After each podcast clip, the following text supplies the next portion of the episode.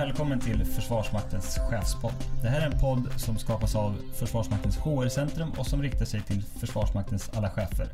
Men också andra som har intresse av arbetsgivarfrågor där ute. Programledare är jag, Martin Sundström. Och jag, Anna Närby Fransson, som arbetar med arbetsmiljöfrågor på HR-centrum. I dagens avsnitt så kommer vi att prata om FN Vind, det vill säga Försvarsmaktens medarbetarundersökning, vars resultat precis har landat i händerna på Försvarsmaktens alla chefer. Vi kommer att bryta ner FMV Vind i minsta detalj och försöka förklara varför vi gör det, hur vi jobbar med det och hur vi skapar verkstad eh, i de här frågorna. Ni kommer att få träffa Fredrik Nordenmark som jobbar på ledningsstaben som är sammanhållande för FN Vind och som jobbar mycket med värdegrundsfrågor och organisationsutveckling. Ni kommer också att få träffa Britt-Marie Romero som jobbar på HR-centrum med att plocka ner de strategiska inriktningarna och skapa verkstad i dessa frågor som ett stöd till er på förbanden. Välkommen hit Fredrik Nordemark. Vi har bjudit in dig idag för att också du ska få berätta lite om vad Försvarsmaktens medarbetarundersökning faktiskt är. Och också i, förhoppningsvis också kunna ge lite eh, vägledande tips till de chefer som har fått det här materialet till sig. Men om man börjar lite från början, vad är en medarbetarundersökning? Oj, vilken, vilken eh, 10 000 kronors fråga.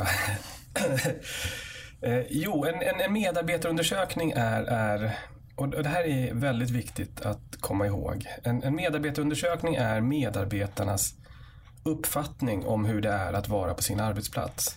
Och då har ni automatiskt att jag kommer in på ordet uppfattning. Och, och, det är vad det är. För att uppfattningar styr vad vi tycker och hur vi känner och hur vi upplever vår situation och vår omgivning. Medarbetarundersökningar är ju inte som, som andra typer av, av mätningar som till exempel temperatur som mäter något eh, faktiskt tillstånd i naturen. Ett, ett helt av människan konstruerat tillstånd.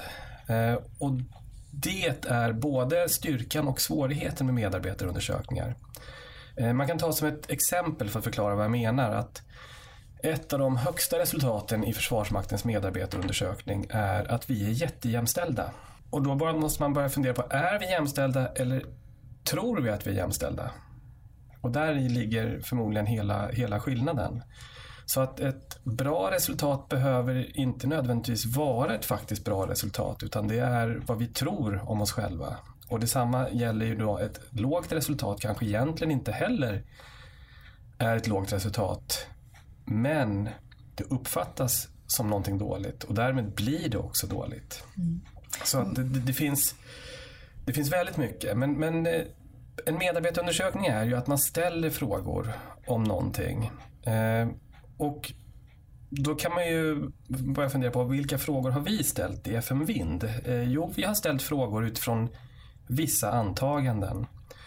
Eh, det farligaste som finns när man, när man ställer eh, frågor i en medarbetarundersökning det är att det inte finns någon mottagare av resultaten. Det vill säga att vi kan ställa frågor som är jättesmart konstruerade, de är vetenskapligt hållbara men finns det ingen som bär frågan i organisationen så kommer resultaten inte bli omhändertagna. Eh, så vi valde, på gott och ont, det som vi ändå såg var en bärare av väldigt många arbetsmiljö och personalfrågor. Och det var Försvarsmaktens strategiska inriktning. I det dokumentet så finns det ett avsnitt som handlar om eh, trovärdighet. Där stora delar av det som förut egentligen var Försvarsmaktens personalidé är inskrivna hur det ska vara att vara i Försvarsmakten. Man ska vara stolt. Det ska vara en inkluderande gemenskap. Det ska vara en bra kamratskap. Det ska vara och så vidare. En, en mängd sådana här saker. Vi har gått igenom alla de strategiska effekterna med särskild tonvikt på trovärdighet och konstaterat att det här uttrycker idealtillstånd. Och det är idealtillstånd som kan omformuleras till frågor. Eh, så det innebär att, att samtliga frågor, med några undantag i FN Vind, bygger på vår idealbild av oss själva. Mm. Och det här är, eh, gör ju den lite mer verksamhetsspecifik än många andra verksamheter. Det är inte alla som, som tycker att kamratskap är jätteviktigt på alla arbetsgivare, eh, utan kanske en bonus. Men för oss är det essentiellt. Det är av yttersta vikt att det finns en god kamratskap och gemenskap i minsta arbetslag för att lösa våra uppgifter. För att vi har kollektiva uppgifter. Så att, att hela enkäten är konstruerad utifrån vår idealbild av hur det är att vara en del av Försvarsmaktens verksamhet. Det finns även lagkrav. Det finns en arbetsmiljölagstiftning, det finns jämställdhetsskrivningar, eh, eh, det finns eh, diskrimineringslagstiftning. Det finns tillägg till Försvarsmaktens strategiska inriktning, nämligen eh, den framtidsbild av Försvarsmakten som överbefälhavaren har konstruerat, som vi efterhand också då har kompletterat eh, FMVin med. Jobbar du med en frågeställning, oavsett vilken det är, så leder det mot antingen ett lagkrav eller mot eh, vår uttalade idealbild av oss själva. Det spelar nästan ingen roll vilken fråga man jobbar med. Man jobbar i rätt riktning nästan oavsett. Mm genom att säga det så har du också förklarat till, till stor del vad det här faktiskt syftar till. Eh, den har utifrån hur jag uppfattar det du säger också flera bottnar. Alltså den medarbetarundersökningen kan svara till, till olika delar eh, och på olika nivåer. Alltså både i arbetslaget eller kanske Försvarsmakten i stort. Eller... Ja. Jag, jag vet att inför att vi skulle eh, spela in det här och, och i andra dialoger som vi har haft så har anonymitetsfrågan dykt upp.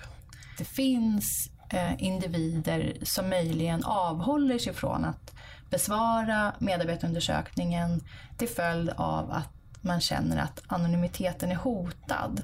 Mm. Eh, kan du beskriva hur man hanterar det här med anonymiteten kopplat till medarbetarundersökningen? Det kan jag absolut göra. För det första vill jag säga att jag är ju även kontaktperson under genomförandet av FMV. Så att jag får ju samtal från människor som, som ställer frågan om det är anonymt eller säger att jag tänker inte svara för jag litar inte på att det inte är anonymt. Och så får jag prata med dem och i vissa fall övertyga dem om att det är anonymt och i vissa fall övertyga om lyckas jag inte övertyga dem och då svarar de inte. Och då, då så att problematiken finns. En viktig sak som man ska poängtera med FN-vind och anonymitet är att när man fyller i enkäten, för det är då medarbetaren känner att den inte är anonym, så fyller man ju i då vilket arbetslag man tillhör. Eh, och det måste vi, det är en av de två tvingande frågorna i, i FN-vind. Det finns två tvingande frågor eh, och det är vilket arbetslag man tillhör och vilken chef det är man ska bedöma i dess ledarskap. Och det är för att vi ska kunna härleda svaren tillbaka till ett arbetslag eller tillbaka till en chef. Vi har ingen möjlighet att kontrollera ens att människor har kryssat i rätt. Eh, så vi litar helt och hållet på medarbetarna att de kryssar i rätt det är själva grunden i medarbetarundersökning så att säga. När, när, när den har den här intentionen att vara ett verktyg i arbetslaget då måste ju arbetslagen få sina resultat tillbaka. Därför fyller man i sitt arbetslag. Men om vi går tillbaka till medarbetaren som fyller i enkäten så har den fyllt i vilket arbetslag den tillhör, vilken chef den har.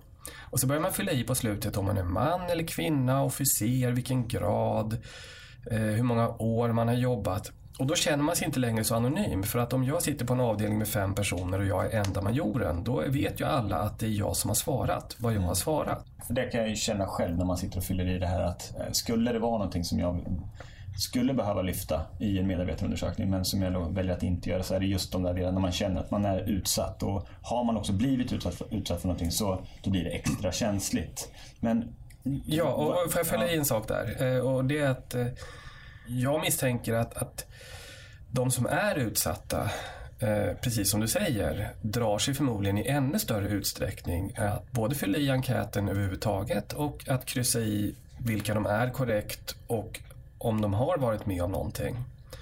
Eh, så att det finns förmodligen ett mörkertal som inte, som inte använder FN Vind av, av bland annat då anonymitetsskäl och att de upplever sig som utsatta. Det, det är jag helt övertygad om. Mm. Eh, men, men för att komma tillbaka till anonymiteten, hur hanterar vi då anonymiteten? För det är alldeles sant som du säger att med mina svar så skapar jag en svarssträng där alla de här svaren sitter ihop. Eh, då är medarbetarundersökningar en särskild typ av undersökning för att den, eh, den görs enligt en branschpraxis som har etiska riktlinjer.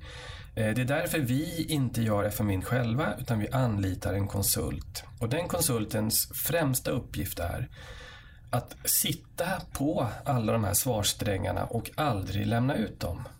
Så det finns inga eh, underhandsinformation eller vad man Nej, säga, utan oss, vi, vi har inte tillgång till de enskilda individernas svar. Eh, det som händer när de tar hand om och återmatar rapporterna till oss och svarsstatistiken, det är att de klipper initialt alla bakgrundsinformationer med svaren på de olika frågorna. De matar tillbaka dem till arbetsgrupperna, som man, de behåller kopplingen till arbetsgrupp och kopplingar till chef för ledarskapsfrågorna. Sen klumpas svaren ihop eh, till de här arbetsgruppsrapporterna. Så att om ni var sju stycken i en arbetsgrupp, sex svarade och därmed får en rapport, för man måste ha fem svar för att det ska bli en, en, en svarsrapport. Så får man svaret på hur medelvärdet av vad alla sju har svarat. Och det är också ett sätt att skydda individens svar. Det vill säga att det ska inte synas vad en enskild person har svarat. Men medelvärdet av vad gruppen har svarat ska synas. Mm. För det är en indikator och FN Vind är, är faktiskt en sån här typisk försvarsmaktsförkortning. Den betyder någonting. Eh, den står för verksamhetsindikator. Den är inte hela sanningen, den indikerar. Ett lågt medelvärde indikerar på att det finns ett mer eller mindre utbrett missnöje i en enskild frågeställning. Vad det beror på, det kan inte FN Vind ensamt svara på. Det kommer vi till sen när, när vi pratar om hur man ska jobba. Utan den, FN Vind kan indikera vilka områden man bör diskutera vidare. Mm. Den kan inte ge enskilt lösningen på problemet. Eh, nu sa jag just att vi klippte bort bakgrundsinformationen. Mm. Varför ställde vi då frågorna om vi klipper bort dem och inte matar tillbaka dem? Jo, det har med en annan sak att göra och det är att vi ska kunna använda resultatet på övergripande nivå för att kunna se om det finns skillnader mellan olika grupper i hur man ser på hur det är att jobba i Försvarsmakten. Eh, finns det skillnad mellan hur man som officer eller civil eller soldat eller gruppbefäl eller spelar det roll om man varit anställd ett år, fyra år, nio år eller femton år? Eh, spelar det någon roll om jag är man eller kvinna hur jag upplever situationen? Och då matar vi tillbaka de här bakgrundsdata, men inte till arbetsgrupp, utan vi börjar titta på förbandsnivå. Så ett litet förband som de har inte fått tillbaka all bakgrundsinformation för vi har bedömt att gruppen är för liten så att det blir utpekande bakvägen om vi börjar återredovisa. Vi redovisar heller aldrig två bakgrundsvariabler. Så att vi redovisar först, vad tycker män, vad tycker kvinnor? Sen blandar vi ihop korten igen. Vad tycker man beroende på grad? Och så blandar vi ihop korten igen. Så vi lägger aldrig ihop pusslet igen. Utan vi tittar på dem en och en för att se att, vi inte, att det inte finns oförklarliga skillnader eller skillnader som vi inte vill ha i materialet beroende på vem du är. Så det jobbigaste att försöka förklara är att om man upplever sig utsatt eh, för att man är kvinna eller ensam kvinna på en avdelning och därför inte vill svara på enkäten så är det precis snarare så att FM Vind om du fyller i att du är kvinna och att du är utsatt och, och hur det upplevs så ger det dig ett skydd i och med att vi då ser att kvinnor till exempel är överrepresenterade i ovälkommet beteende som vi nu ser. Mm.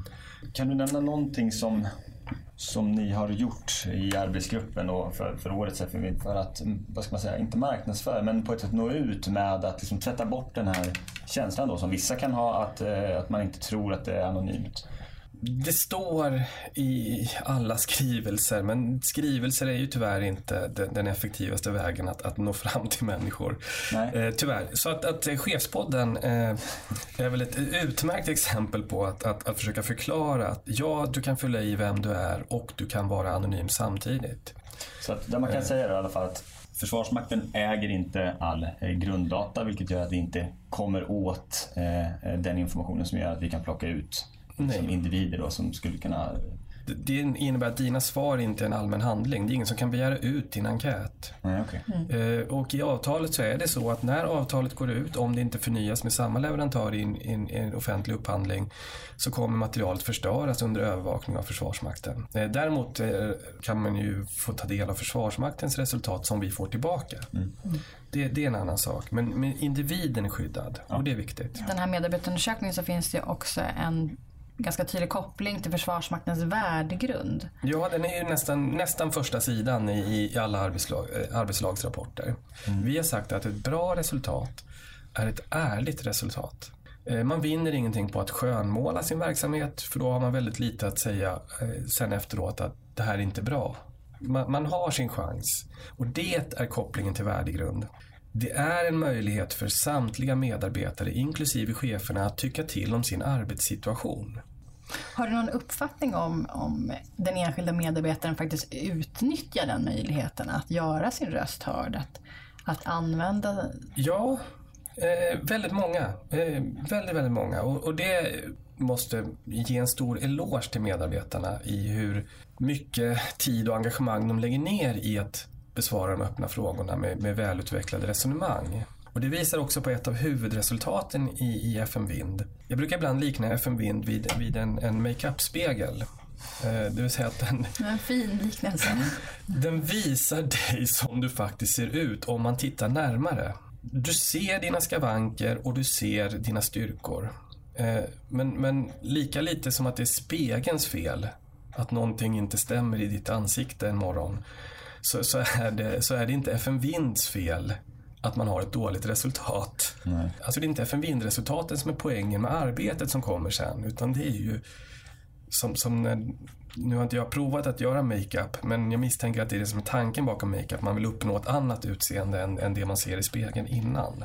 Jag har testat makeup, men det är inte alltid det blir, det blir så bra. Kanske för att grunden inte är så bra. Det är inte för FM Vinds skull vi ska arbeta med resultatet av FM Vind, utan det är för vår skull.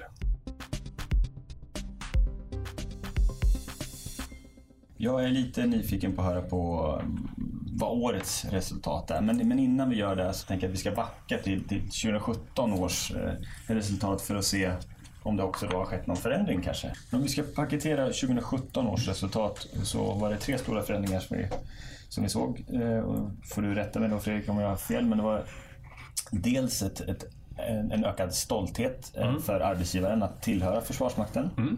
Vi hade en... Här måste jag nästan säga att det är lite paradox här. Att, att I Försvarsmakten så är det fler som kryssar i att de är stolta att tillhöra Försvarsmakten än att vara en del av sitt förband. Mm. Hade någon sagt det för 20 år sedan då, då hade man blivit utskrattad. Eh, så, så, att det har hänt det har varit en enorm kulturell förändring. Försvarsmakten som begrepp har etablerats i Försvarsmakten. Och det är glädjande att höra. För det mm, har man ju jobbat jättemycket med att skapa en försvarsmakt. Ja, alltså det är ett kvitto på att det arbetet har, har gett ett resultat. Mm. Men, men jag går vidare då. Mm. Eh, nummer två, tilliten mellan medarbetare och också då mellan medarbetare och chef. Ja, med tillägget ökat. att det inte har ökat utan att det är fortsatt det har till och med ökat, eh, men, men, men det, det är inte ökningen som är det dramatiska utan det är jättehöga värden. Mm. Vi kommer komma till det 2018. Mm. Och den sista då med, med lite mer då negativ klang eh, är den, eh, den nya, de nya frågorna kring kränkande särbehandling och att vi, man, man kunde se problem där. Eh, och sen är det svårt att mäta det här mot andra undersökningar. Det är svårt att mäta mot andra undersökningar, men, men vi gjorde, men jag kan komma till det i, i, i när vi pratar 2018 resultat, mm. årsresultat också. Ja. Men vi går in på 2018. Ja, men det kan man göra det. Ja. Spänningen är liksom olidlig. Vad fokus då för 2018? Vad, finns det några förändringar, korrigeringar som man har gjort kring hur eh, medarbetarundersökningen presenterats? Har man släppt in några nya grupper? Eller? Mm. Eh, det var två fokus. Eh, hemvärnet är äntligen med i FN Vind. Det ser vi som jätteviktigt. Mm. Det är en viktig del av vår verksamhet och det känns jätteglädjande att de har fått möjlighet att delta. Jag tänker också med tanke på att vi pratar om en försvarsmakt. Ja. De är ju en del av Försvarsmakten och då eh, bör de ju också vara en del av Och det är ju ett av huvudresultaten i hemvärnsenkäten att de upplever inte alltid att vi i Försvarsmakten tycker att de är en del av Försvarsmakten. Där blir en fråga som vi måste jobba med vår inställning till följd av ett resultat i hemvärnets undersökning eh, som är väldigt viktig. Eh, det andra var att vi till följd av metoo-uppropet eh, Givakt och BTH la in. För att det, det är viktigt att komma ihåg, nu har vi pratat om kränkande särbehandling 2017, men kränkande särbehandling är ju arbetsmiljölagstiftning och metoo var ju framförallt sexuella trakasserier, vilket faller under diskrimineringslagstiftningen. Eh, och jag ber till ursäkt eh, för, för alla eh, chefer där ute i Försvarsmakten att inte lagstiftningen är enhetligare och enklare. Det är två olika typer av lagstiftning.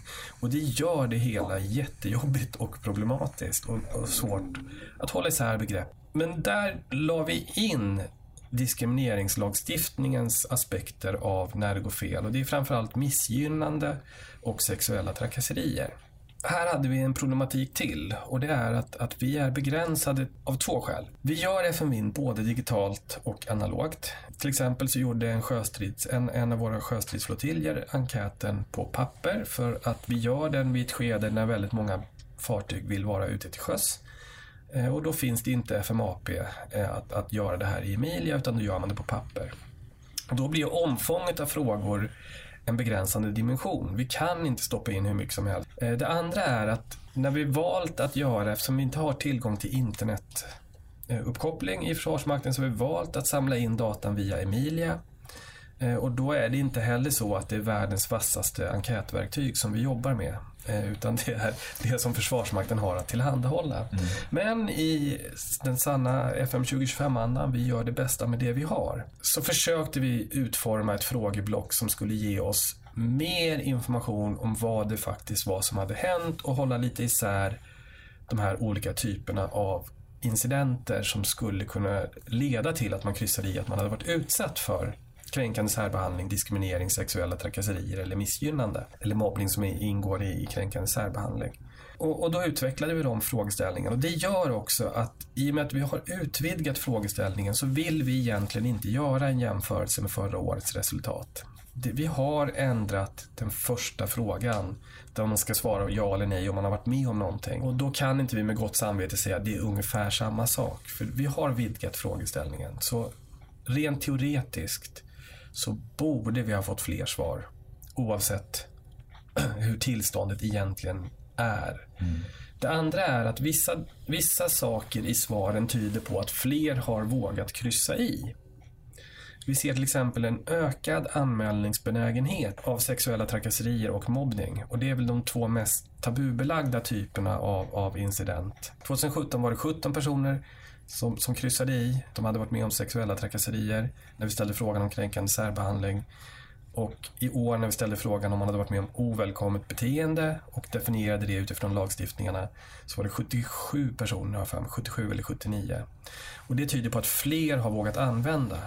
Det kan ju vara, ja, precis, det kan ju vara en positiv eh, positiv förändring i, i det vi pratade, pratade om tidigare, just om anonymiteten, att man har ett större förtroende för verktyget som sådant. Ja, och man kanske också, metoo kanske har skapat den här inte längre-idén. Mm. Det vill säga att, att nu ska jag inte hålla tyst, utan nu ska jag kryssa i att jag varit med om någonting. Mm.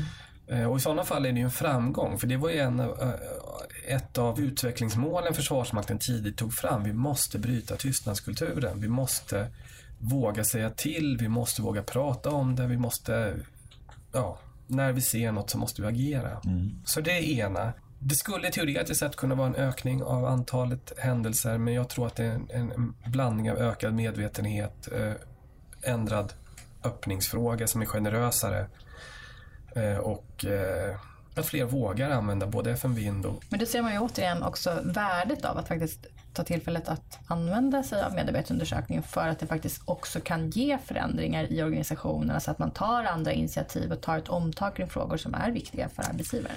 Ja, jag vet ju att många förband har ju jobbat aktivt med de här frågorna och har försökt utifrån bästa förmåga och klokhet och, och, och goda intentioner. Bland annat då förmodligen haft öppna föreläsningar om mobbning eller, eller eh, härskartekniker, vilket vi ser är väldigt vanligt förekommande i, i de här fallen av ovälkommet beteende.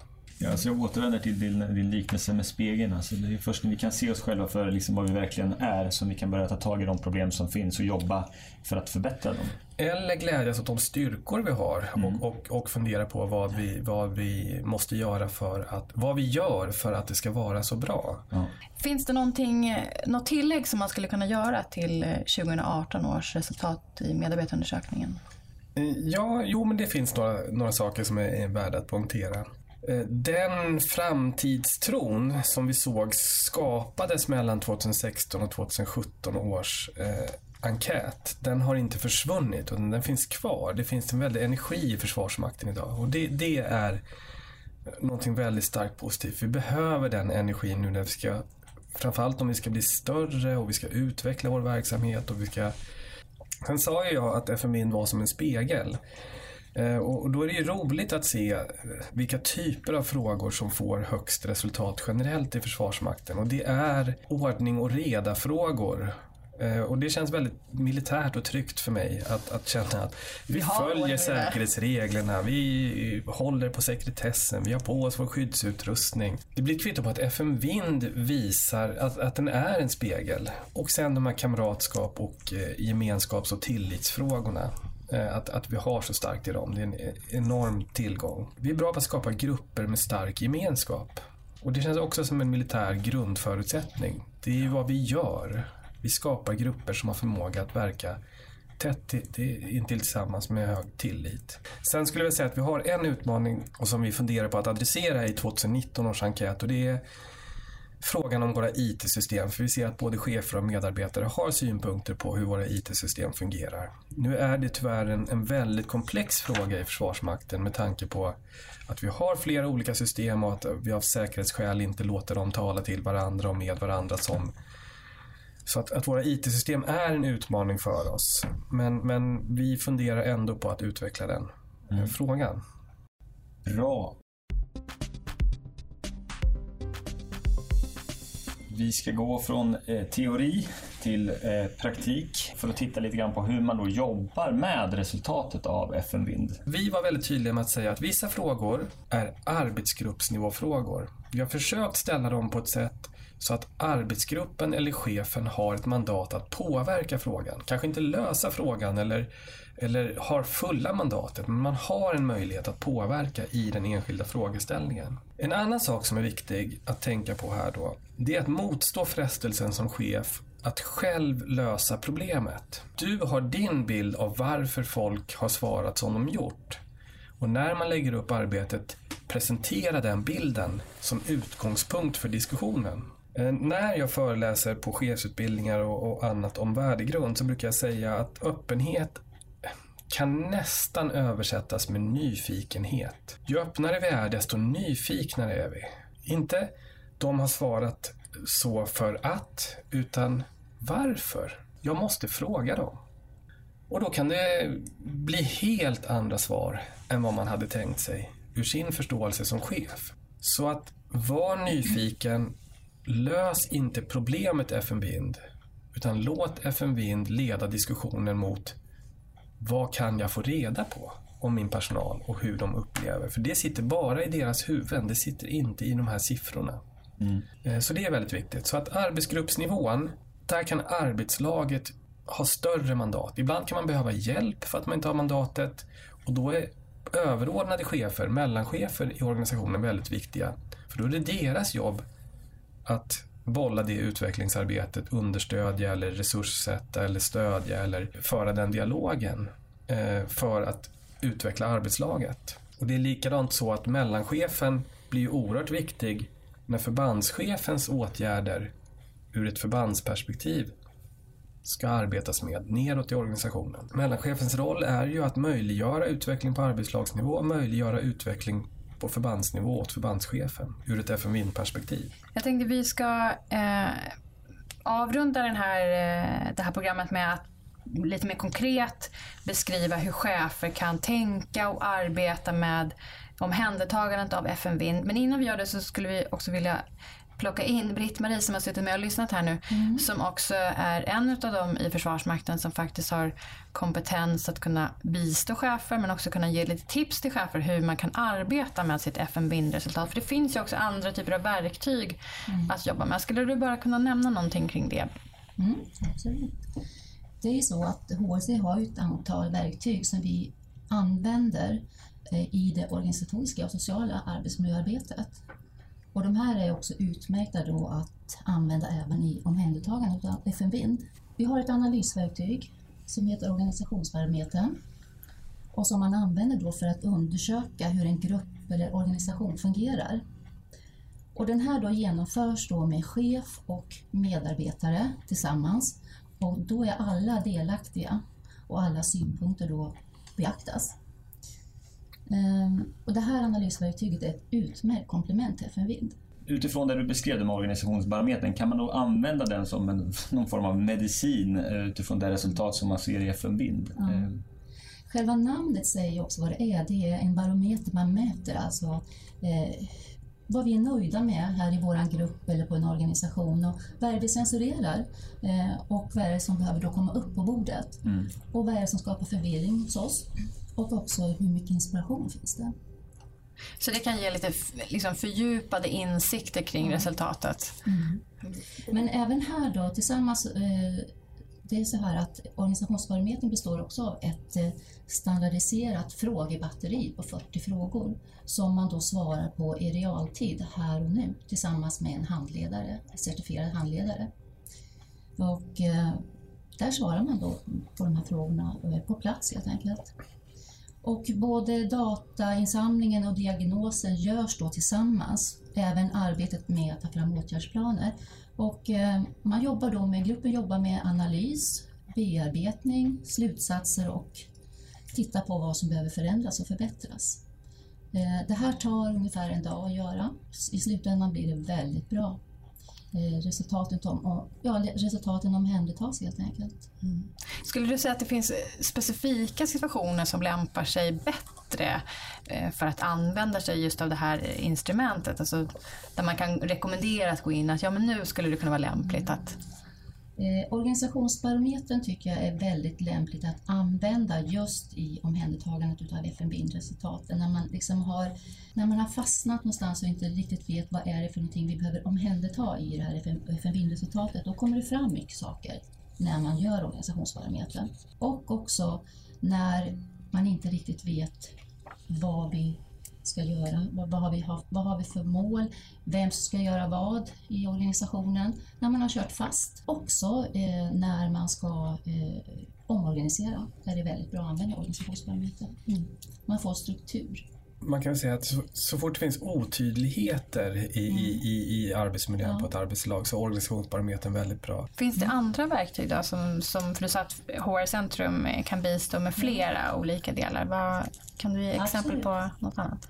Eh, vi har även ett relationsbaserat verktyg eh, som tydliggör våra drivkrafter och värderingar. Eh, det kallas för SDI, Strength Deployment Inventory. Det här verktyget tittar på motivation och drivkrafter under två förutsättningar. När allt går bra och det flyter på, mm. men också när vi hamnar i konflikt med varandra, för det gör vi mm. på arbetsplatserna. Det som är så bra med det här verktyget är att vi ser att våra olikheter faktiskt kan leda till en tillgång istället för att vi går och är missnöjda och retar oss på varandra. Så att vara medveten om våra olikheter, det gör att det är lättare också att hantera konflikter och göra det på ett mer konstruktivt sätt. Det här verktyget är ett självskattningsinstrument och där deltagarna också då får svara på ett antal påståenden. Utifrån resultatet så blir det tydligt då vad jag värdesätter och vad som ligger bakom mina drivkrafter. Sammanfattningsvis kan man säga att SDI är ett dialogverktyg för att förbättra kommunikationen mellan människor. Mm. Och det här då, att göra det här, det tar också en dag att genomföra och då får man ju också en handledare med sig. Men kan du säga Fredrik något specifikt resultat som då skulle kunna lämpa sig bra för att, att koppla på det här verktyget? Oh ja, det finns en fråga i vårt arbetslag är vi bra på att hantera konflikter när de uppstår. Mm. Får man lågt på den då har, förmodligen, har man förmodligen ett dåligt organisatoriskt minne av en konflikt som har skett i närtid. Och då, är, då är det ett utmärkt exempel på när man mm. kan plocka in sådana här instrument. Det finns också ett relationsindex i, i form nu av det sociala arbetsmiljöindexet. Om det har gått bakåt eller, eller inte är över 75 skulle jag vilja säga i alla fall så, så kan det vara läge att, att ta det. Just lite från och till beroende på olika typer av verksamhet. Men givet att vår verksamhet är så relationell som den är så ska vi ha höga värden. Mm. Har man inte höga värden så, så, så, kan det vara läge att ta in ett sådant verktyg. Och med det vill jag komma till en annan sak och det är ju att det finns en arbetsmetod att arbeta med förmindreresultaten mm. som, som alla chefer ska ha tagit del av via eh, lärportalen Eh, som heter FN Vind utbildning. Och det här är också en viktig information som jag vill föra ut till alla chefer. 75 är ett bra värde oavsett fråga. För 75 betyder 4,0 i genomsnitt på den femgradiga skalan vi använder. Sen beror det lite på frågor, verksamhet, alltså frågan i sig, verksamheten i sig och personerna som ingår i gruppen om 75, hur bra 75 är. Men, men 75 är i grunden ett, ett positivt resultat. Är det också en viktig balansgång som chef? Om jag har ett bra resultat, vad ska jag lägga mest fokus på? Vad som gör oss bra eller vad som fortfarande är brister. Och här är vi tränade genast fokusera på bristerna och, och, och, och ta tag i dem. Mitt råd är att har du ett högt resultat, ta inte för givet att det kommer fortsätta vara högt. Nej. Utan fundera på vad var det som gjorde oss så bra? Vad är det vi gör som faktiskt leder till att vi gör så? Kan vi göra så lite mer? Tänk om det skulle hjälpa oss i de här svagheterna istället för att gå rakt in i svagheterna eh, och, och, och försöka brottas med dem. Eh, en annan viktig sak i det, det är en arbetsmetodik som i olika steg jobbar med att identifiera styrkor, vad man gör för att de här styrkorna ska finnas. Men sen ställa det i relation till vad man vill som grupp. Eh, Önskat läge-metodiken är ett utmärkt sätt att plocka fram viljan i gruppen, att komma överens om vad gruppen tillsammans vill. För att skapa ett driv i ett utvecklingsarbete. Och det är en, det är en väldigt viktig poäng i den metodiken. Så det här är ju en glidning beroende på hur starkt ditt resultat är. Så kommer approachen från dig som chef behöva vara lite olika. Mm. Och I den här eh, utbildningen och på lärtalen får ja. cheferna liksom en förståelse, för det här är inte lätt, eh, känner jag själv. Eh, får man en förståelse där för hur man ska hantera resultatet beroende på vad man är, så att man känner att man känner sig trygg i det här när man väl ska liksom ta, det, ut det, finns en, med det här till arbetsgruppen? Det finns en väldigt tydlig beskrivning av metodiken. Eh, I steg för steg hur man går tillväga arbetsmetodiskt så att man ska känna sig trygg i det. Mm. Eh, att, att, få med sig gruppen, att skapa det önskade läget och sen börja tillsammans reda ut eh, hur, hur gruppen ska ta sig dit. Och det andra som jag tycker verktyget gör föredömligt är att uttryckligen talar om att när man går in i arbetet så är resultaten i sig ett vitt blad. Vad de beror på. Det är jätteviktigt att alla får ge sin syn på vad resultaten visar på. Mm. Att det inte från början är styrt på en enskild frågeställning eller en, en, en, en enskild fråga eller den lägsta frågan. Utan alla ska ta del av resultaten och ge sin syn på vad de ser. Så vad än personalen väljer att tycka är jätteviktigt och jätteangeläget så kommer det leda i någorlunda rätt riktning mot de övergripande målen. Det kommer inte riktigt vara den riktning du som chef hade valt. Och det måste man också vara trygg i. Så här skulle inte jag ha gjort. Så här ser inte jag på situationen. Men gruppen ser på situationen så. Och det är mitt ansvar att leda gruppen. Mm. Och det är också en, en, en väldigt viktig inställning det är väldigt tydligt i, i utbildningen, annars så får ni det här och nu. Att tvinga sig som grupp och medarbetare att ställa frågan vad är absolut viktigast av alla de här frågorna som, som cirkulerar i enkäten? Vad, vilka av de här frågorna? Eller strunta i frågorna, säg bara som det är då. Vad är viktigast för att jag som medarbetare ska kunna och orka prestera bästa möjliga resultat? Fredrik nämnde mm. ju här eh, att eh, vi pratar mycket kring det här med värdegrunden och värderingar i en arbetsgrupp och så. Det finns ju också ett verktyg som omhändertar just de mm. sakerna där man kan också specifikt lyfta fram värderingsfrågorna. Mm. mm. Absolut.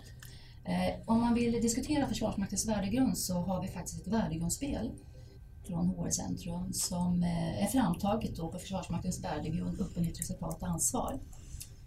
Eh, det är uppbyggt som ett spel och är till för att konkretisera Försvarsmaktens värdegrund på ett väldigt enkelt sätt.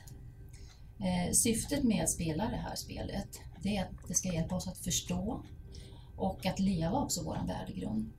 Så att vi som är företrädare för Försvarsmakten agerar på ett respektfullt sätt utåt.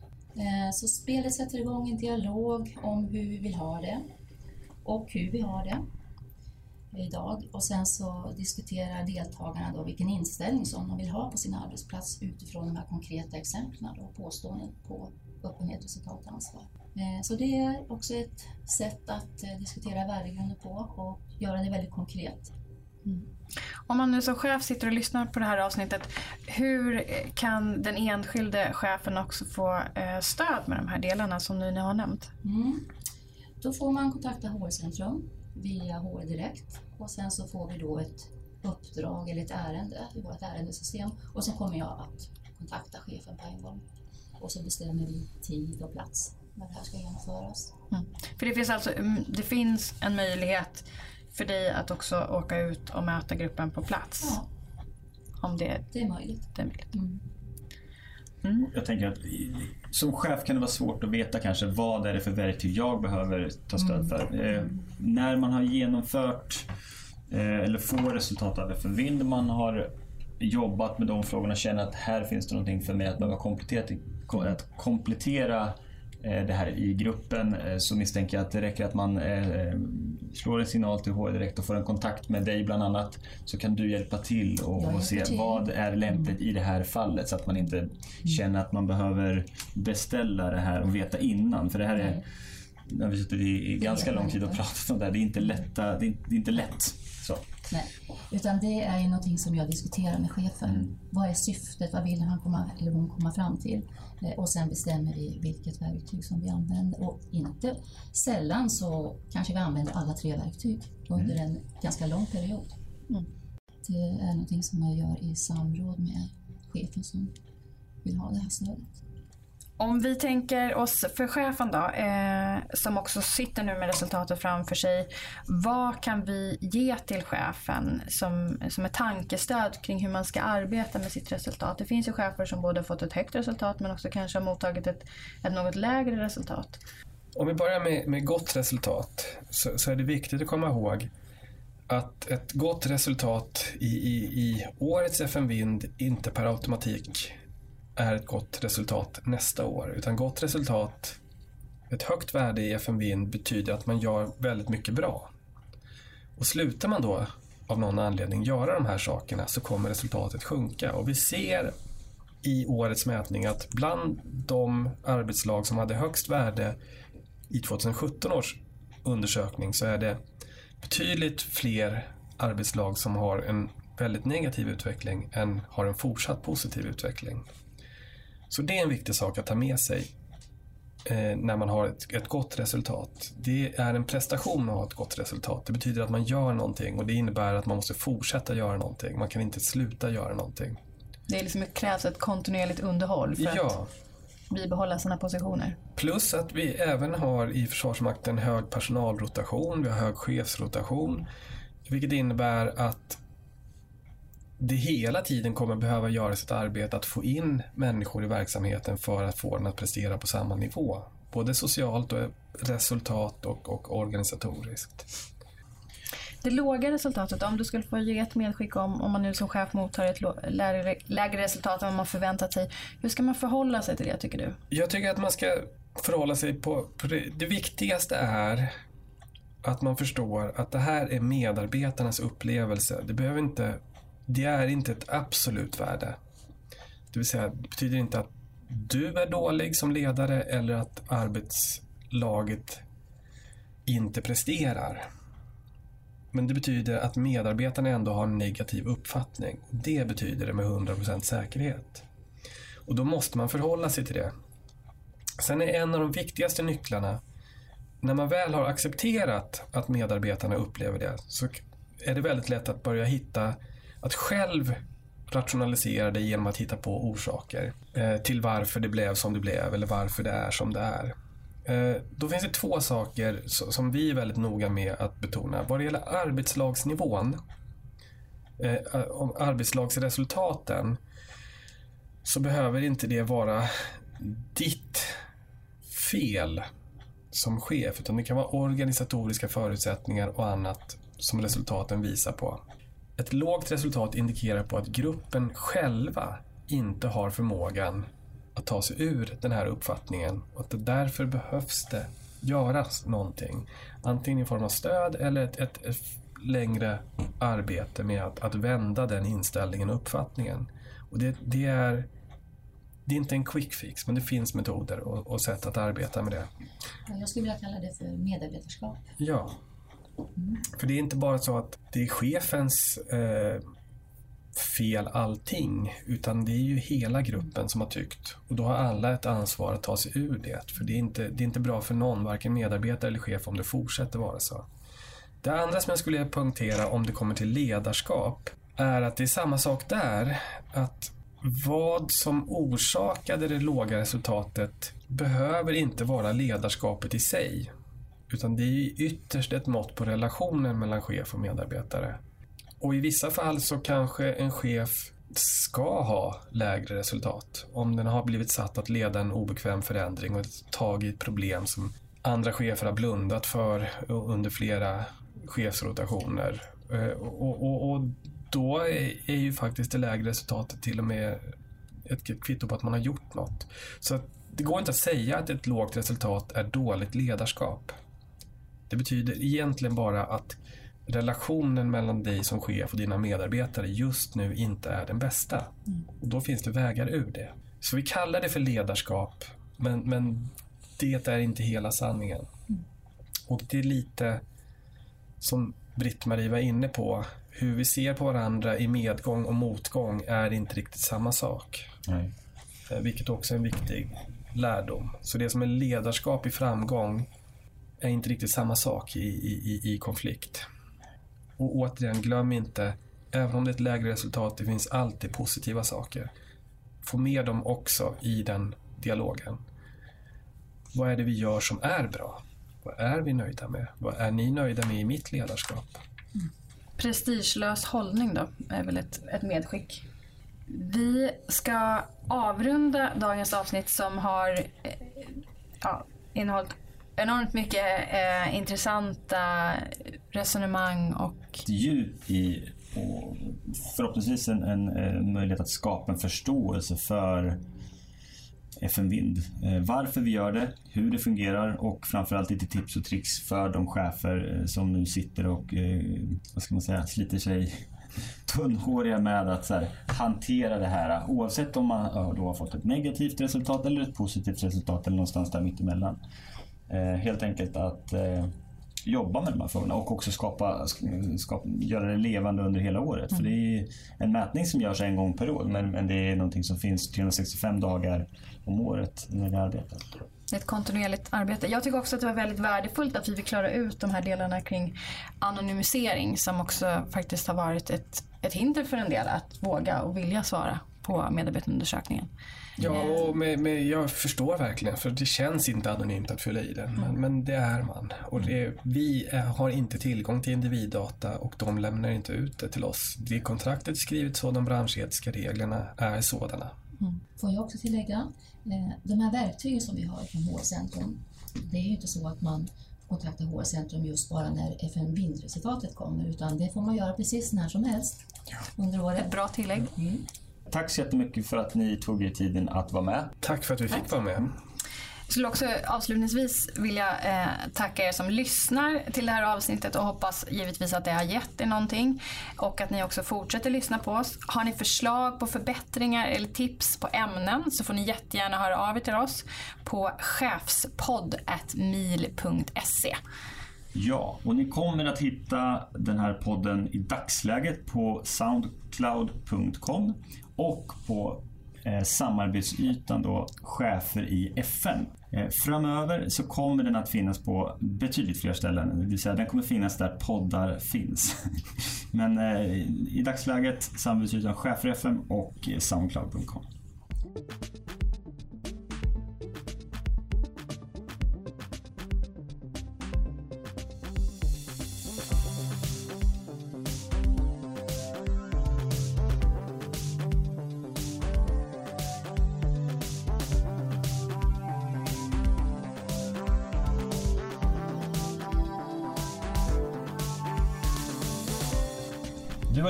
på Försvarsmaktens chefspodd som görs av HR Centrum.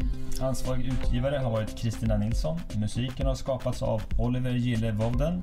Producent Viggo Lindgren. Programledare har varit Anna Närby Fransson och jag Martin Sundström. Gäster idag har varit Britt-Marie Romero och Fredrik Nordenmark. Slut.